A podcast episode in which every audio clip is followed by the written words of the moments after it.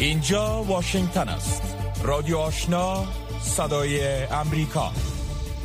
شنوندگان عزیز سلام. شب همه شما بخیر. با برنامه ساعت رادیو آشنا صدای امریکا خوش آمدین. تازه ترین خبرهای افغانستان منطقه و جهان خالد مفتون به توجه می رسانم. سلام و وقت بخیر. معاون نخست ریاست جمهوری افغانستان امروز چهارشنبه از بازداشت حاملان ترور یما سیاوش مجری پیشین تلویزیون طلو و کارمندان بانک مرکزی آن کشور خبر داد.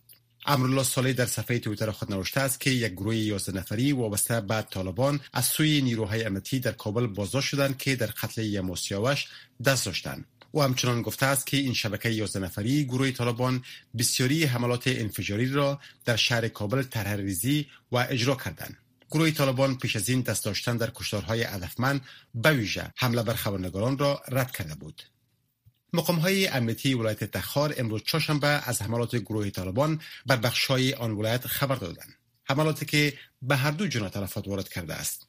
عبدالخلیل اسیر سخنگوی پلیسی این ولایت گفت که در نتیجه حملات گروه طالبان در ولسوالی اشکمش آن ولایت شمار از نظامیان افغانستان به شمول عبدالرب یک فرمانده پلیس کشته شدند. اما تعداد دقیق کشته شدگان را مشخص نکرد. او گفت که در این درگیری ها چهار منصوب امنیتی نیز زخمی شده است و در این درگیری ها اش جنگجوی طالبان کشته و ده جنگجوی دیگر آن گروه زخمی شده است. در این حال گروه طالبان ادعا کرده است که در حمله جنگجویان آن گروه دوازده منصوب امنیتی افغانستان کشته شدند سرگی لاوروف وزیر خارجه روسیه امروز چهارشنبه با شاه محمود قریشی امتای پاکستانیش در مورد روند صلح افغانستان گفتگو کرد.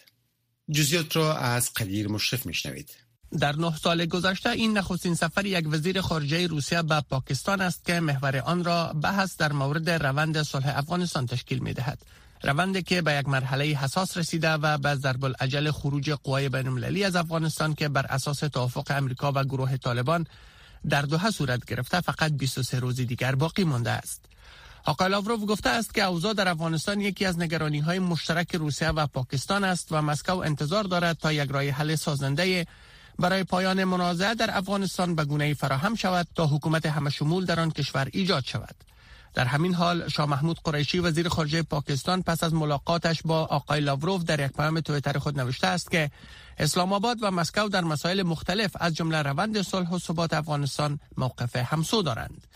وزرای خارجه روسیه و پاکستان همچنان در مورد همکاری های اقتصادی، انرژی و مبارزه با دشت افغانی صحبت کردند. ادامه خبرهای منطقه و جهان را از رادیو آشنا صدای امریکا میشنوید.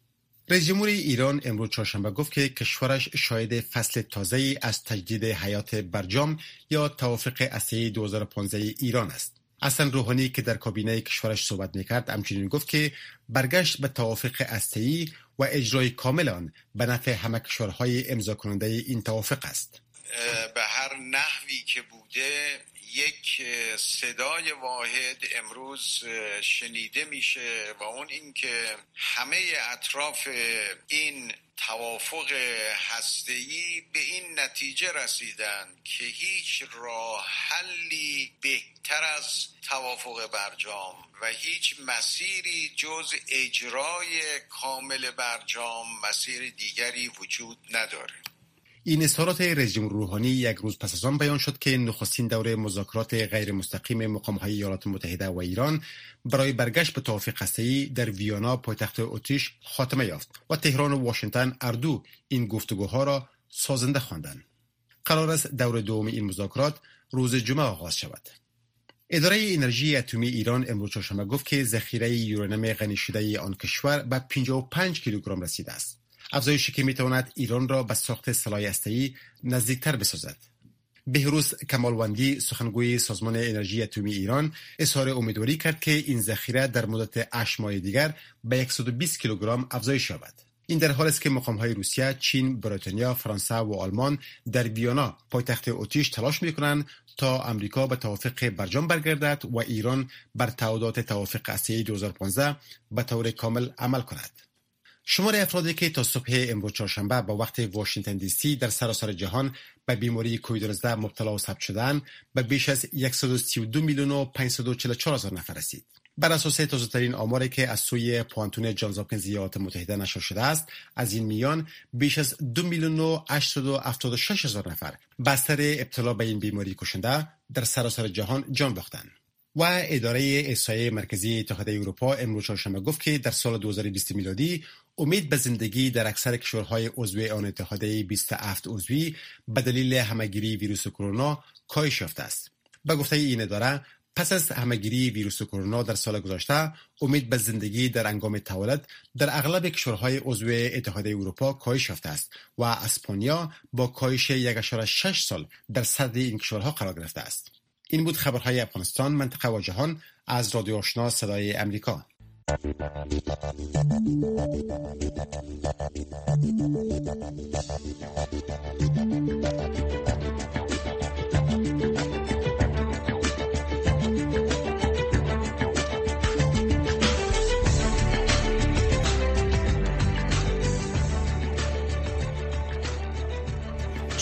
گرامی سلام شب شما بخیر. و برنامه گفت و شنود رادیو آشنا خوش آمدین من نسرین محمود عزیزی میزبان برنامه هستم. امید همه به سلامت بوده و بهروز باشین.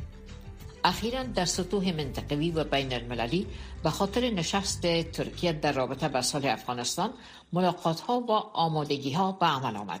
ادارات مختلف دولتی و احزاب سیاسی به خاطر ارائه نظریاتشان در نشست ترکیه طرحهای صلح را ترتیب کردند. از این نشست چه انتظار برده میشه و ادارات دولتی و احزاب سیاسی تا چه حد قادر خواهند بود اختلافاتشان را کنار گذاشته خدمت محور بیندیشند در برنامه امشب روی همین موضوعات بحث می شود محترم پروفسور محمد نظیف شهرانی از پوهنتون ایندیانا مهمان برنامه هستند. جناب آقای شهرانی آواز مرا دارین؟ بله. سلام بر شما. برنامه گفت شنود خوش آمدین. به نام خداوندی جان و خرد سلام به شما سلام به همگی دوستانی که شنونده شما هستند بسیار تشکر جناب آقای شهرانی در افغانستان که اختلافات داخلی هنوز کاهش نیافتن و با فرهنگ جنگ پیش میره با پیشنهاد جامعه بین المللی در کنفرانس استانبول چی جواب خواد داشت؟ خب شرایط حالا برای جنگای دیگری به نام جنگای ترک ممکن است روی صحنه بوده باشه. برای که پیشنهادی را که امریکایی ها عرضه کردن نگفتن که این پیشنهادی اوناست.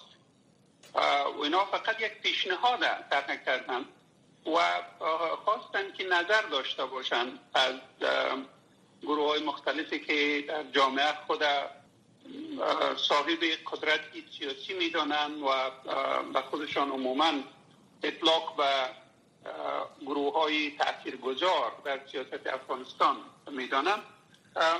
عکس عملی که متاسفانه نشان داده شد دیره فورا یک طرح امریکایی خواندن و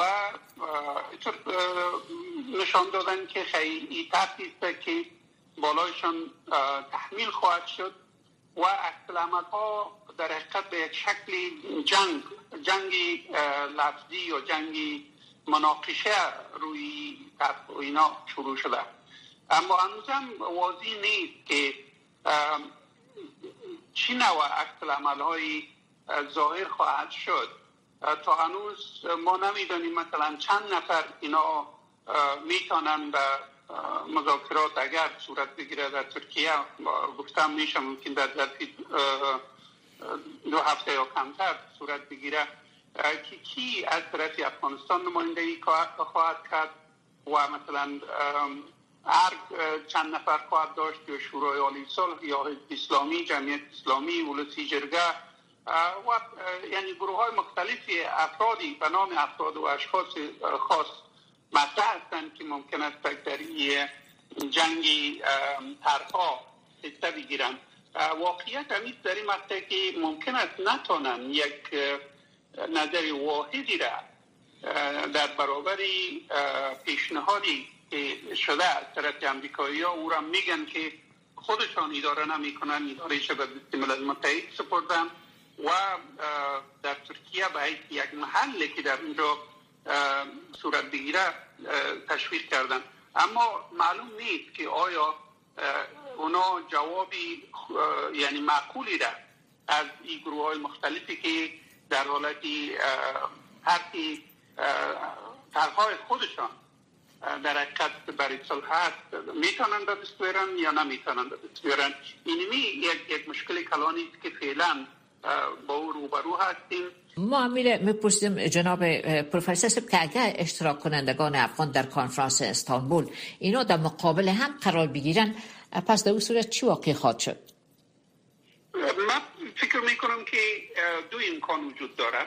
یکی که جامعه بین المللی البته به رهبری ملل متحد ممکن است یک یک تغییره که قابل قبول برای از اونا هست.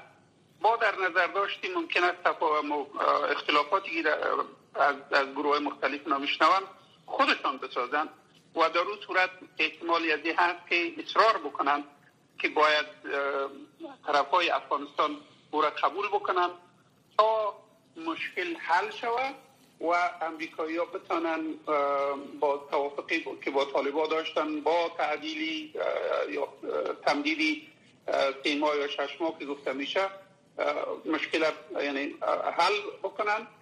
در عدمی از اون فکر می‌کنم که امریکایی ها ممکن است دست خود بشوین در حقیقت و بگوین که خلاص شما خودتان حل بکنین و در اون صورت یک حرج مرج یک مشکلی بسیار کلانی ممکن است در منطقه و در مملکت به میان بیاید که امیدواری ما همی است که این بدیل دوم یعنی بگذارن که شما که حل نمی‌تونین خودتان حل بکنین ما کوشش کردیم. شما نمی‌تونین که به توافق برسین از ما دیگه کاری نداریم. ما میبراییم و شما خودتان حل بکنید. که این بدیل البته بدیل خوبی برای آینده کشور نیست. امیدواری ما همی که اگر شواب اینا بتانن امکانی اوله که یک رای حلی که بتانه از دیدگاه جامعه بین المللی مشکلی افغانستان حل بکنه. به او برسن و کنفرانس استانبول یک نتیجه مثبتری در داشته باشه. در واقع مشکل افغانستان توسط کی با کدام نیرو می‌تونه که حل شود؟ خب ببینید چون جنگ جنگای بین افراد متاسفانه شده. و همه گروه ها تقریبا در تقابل با هم دیگر قرار دادن. رئیس جمهور در ارگ اصرار می‌کنه که او باید این مشکل از طریق انتخابات حل شود و او حاضر است که انتخابات اجرا بکنه و در اون صورت می‌تونه که راه را باز بکنه برای حکومتی البته اشتراکی همه طرف اینا. و که او غیر قابل امکان است در شرایط فعلی که یعنی انتخاباتی صورت بگیره و انتخابات هم انتخابات قابل قبول برای همگی بوده باشه. خصوصا طالبا که نمی‌خوان که این رئیس جمهور در قدرت بوده باشه و را غیر مشروع می‌دانند. و البته شورای عالی صلح هم کمی چی نشان میده؟ به اصطلاح امکانی دیره که اینها بتانن با امی پیشنهادی صلح خصوصا به یک حکومتی انتقالی چی می‌کنه؟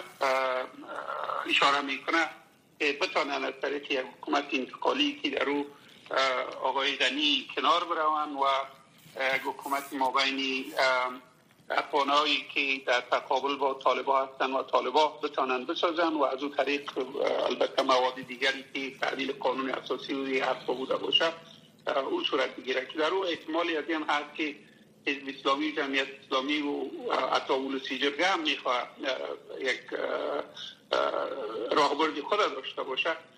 احتمالی از این هست که از این طریق مشکل قابل حل بوده باشه.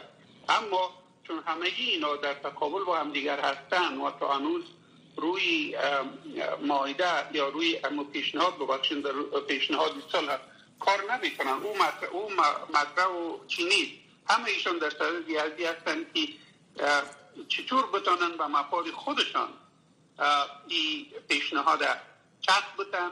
و از او برای خودشان برای گروهی یعنی منفعت شخصی و منفعت گروهی خودشان استفاده بکنن منفعت افغانستان اصلا مطرح و یک گروهی بسیار بزرگی از افغان که جامعه جوانی افغانستان هست.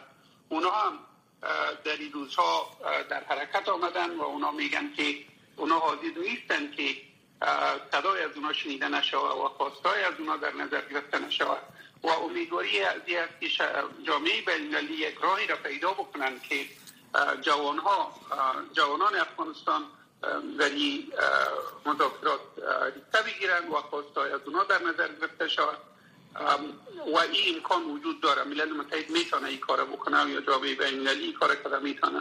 با امیدواری ما هم اما بازم مشکلی کلانی از کلان به نظر من است که این کسایی که خود امروز به حیثی افراد و گروه های مطرح سیاسی در افغانستان نشان میتن و طرف جامعه المللی بدبختانه در 20 سال گذشته اینا تایید شدن تمویل شدن.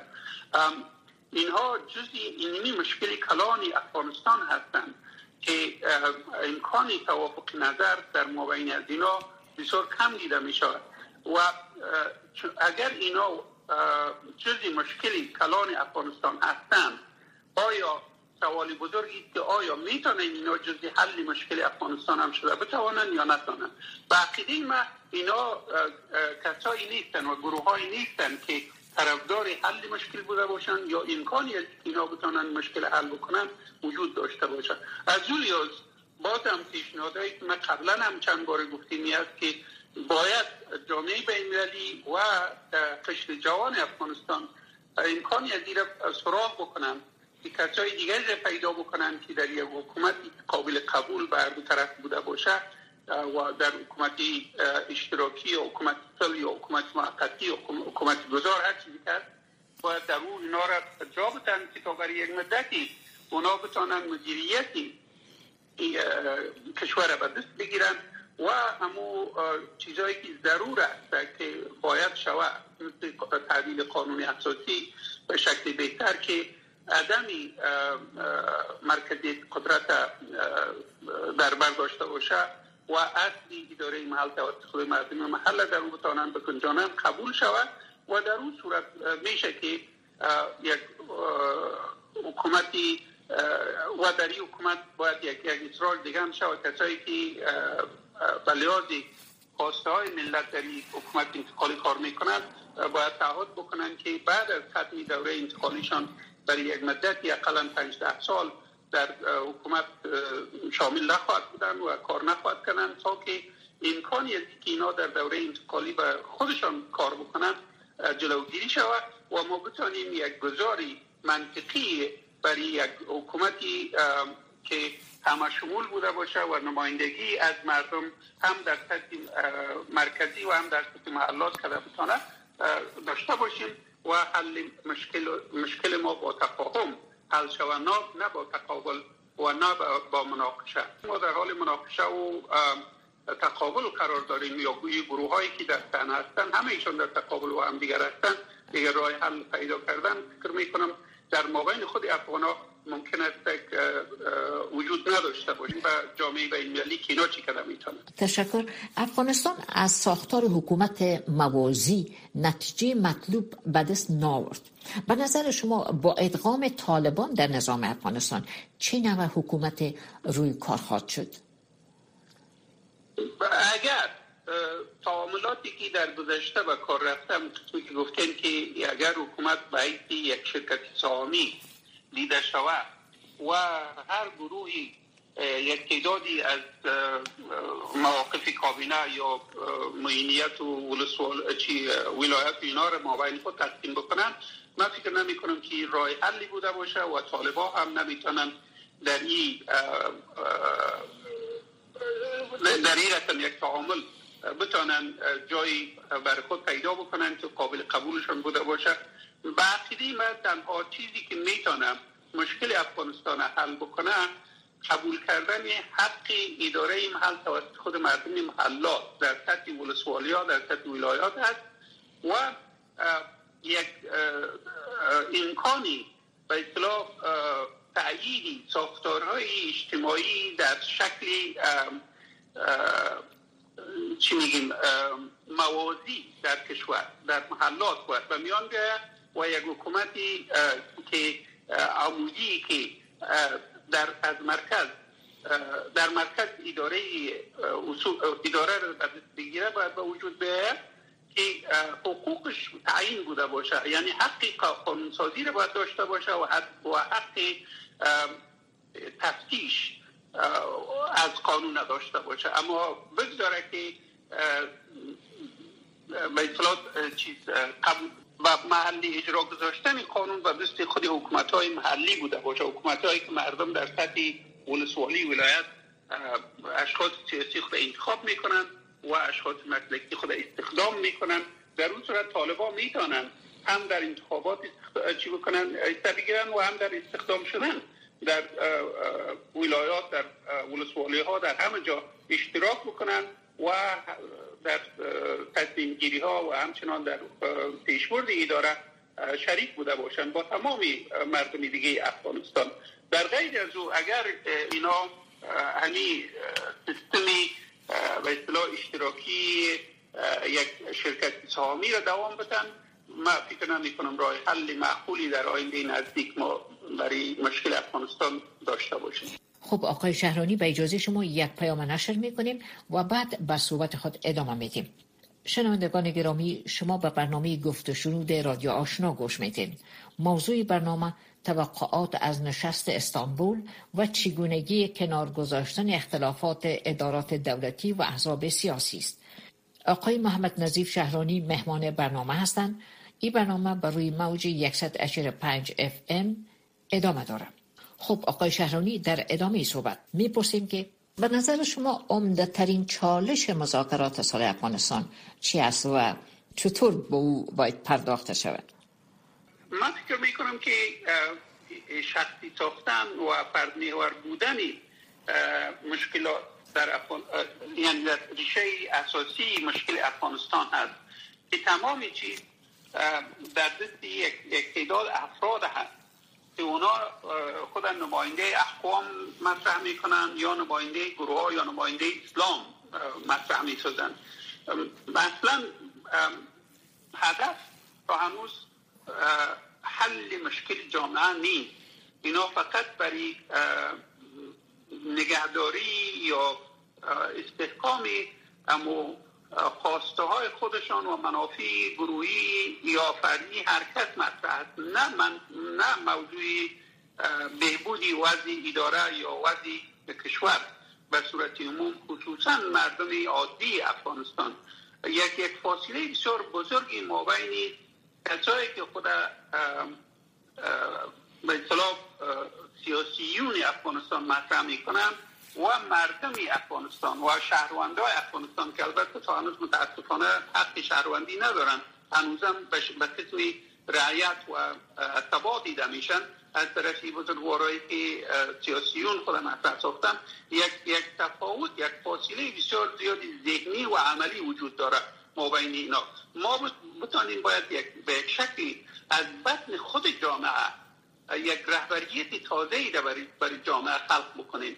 که خصوصا قشر جوان در روی داشته باشن و اینا بتانن با یک ترزیدی تازه او البته فکر محور بوده باشه ارزش محور بوده باشه و برای حل مشکل جامعه کار بکنه باید به میان بیاید. و این البته متاسفانه وقت کار داره و ای بدون کمک جامعه بین هم امکان نداره. برای که رهبریت در افغانستان با تاسف همیشه از طرف بیرونی ها تایید میشه یا ساخته میشه. یا رهبریت های محلی توسط مرکز تایید باید شود. دیگه ما باید شکلی این, این ساختاری دولتداری را در افغانستان تغییر بدیم که باید محورش منافی اولیای تمام مردم افغانستان خصوصا مردم عادی و خصوصا قشر جوان افغانستان بوده باشه نه اقوام. نه افرادی که خود یا که استفاده سو از اسلام به حیث یک ابزار برای رسیدن به قدرت بوده باشه. و این مشکل جامعه ما در چل سال متاسفانه اینی شده که افراد و اشخاص به نام اقوام و به نام اسلام خود را مطرح ساختن و واقعیت های جامعه ما را نادیده می‌گیرن و ضرورت های جامعه ما اصلا هیچ مطرح نیست. اینا باید مطرح شود. اینا باید مرکز تکل حل مشکل جامعه ما در, در, در کوتاه مدت و همچنان در, در دراز مدت قرار بگیرد. و در این ما کمک جامعه بین المللی را فوق زیاد ضرورت داریم و کنفرانس استانبول می‌تونه یکی از او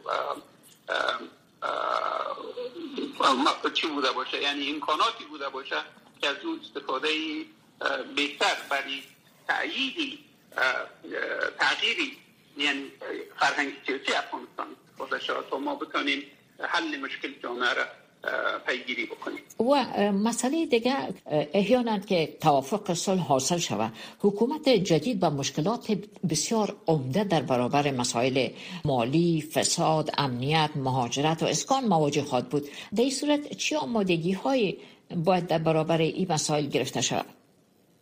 اگر جامعه بین المللی یک راه حل معقولی را برای کشور ما ایار کرده بتانند و بقبولانند بالای افراد و اشخاصی که در, در میدان هستند که اینا دیگر بگذارن کشور که افرادی تازه کشور اداره بکنن در اون صورت من فکر می‌کنم که جامعه بین المللی می‌تونه تضمین بکنه.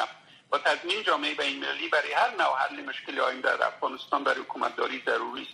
و می‌تونن اینا هم تمویل بکنن و هم کمک بکنن. در عدمی از او اگر جامعه بین المللی نتانه این مشکل حل بکنه بازم ما دوباره میگردیم به جنگای نیابتی و جنگایی که البته خانمانسوز و بسیار بدتر خواهد بود برای آینده افغانستان و هم منطقه. و این ای دو امکان متاسفانه وجود داره. تنها جامعه بین المللی می‌تونه کمک بکنه که هم یک راه حل مشکلی را نشان بده چون خود افغانات هنوز نتونستن این کار بکنن. یا که اگر این امکان نداره و نمی‌تونه مرجع عمل قرار بگیره در اون صورت با تاسف آینده آینده جنگای نیابتی خونین تر خواهد.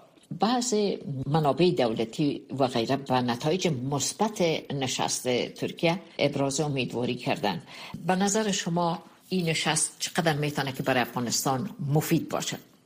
خب ما میگیم که یعنی مربوط از است که ما آیا بزرگوارای سیاسی افغانستان که کیها در اونجا حضور می داشته باشند و با چی نظری اونجا میرن؟ آیا برای حل مشکل در اونجا حاضر میشن و حل مشکل جامعه یا برای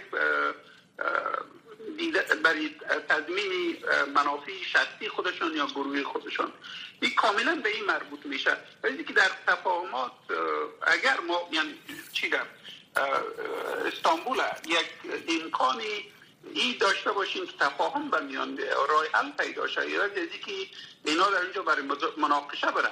برای مذاکره برن و برای حل مشکل و پیشنهادات معقول داشته باشن. و همچنان اگر جامعه بین المللی بتونه صدای اکثریت مطلق مردم در اونجا از رای دیگری انکاس بده. یعنی حضور یک تعداد افراد و اشخاص دیگری که در این حکومت ها در 20 سال گذشته نبودن.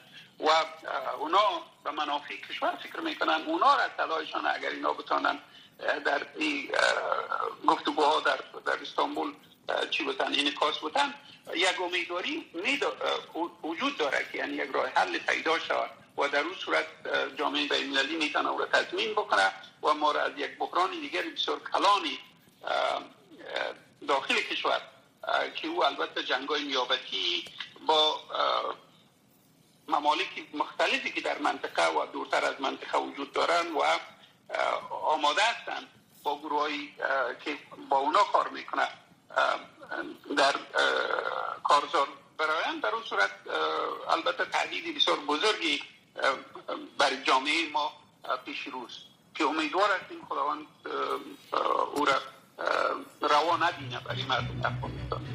باری دیگر. آقای شهرانی وقت برنامه هم در اینجا به پایان می‌رسه و صحبت خود بسنده میشیم. تشکر از وقت شما.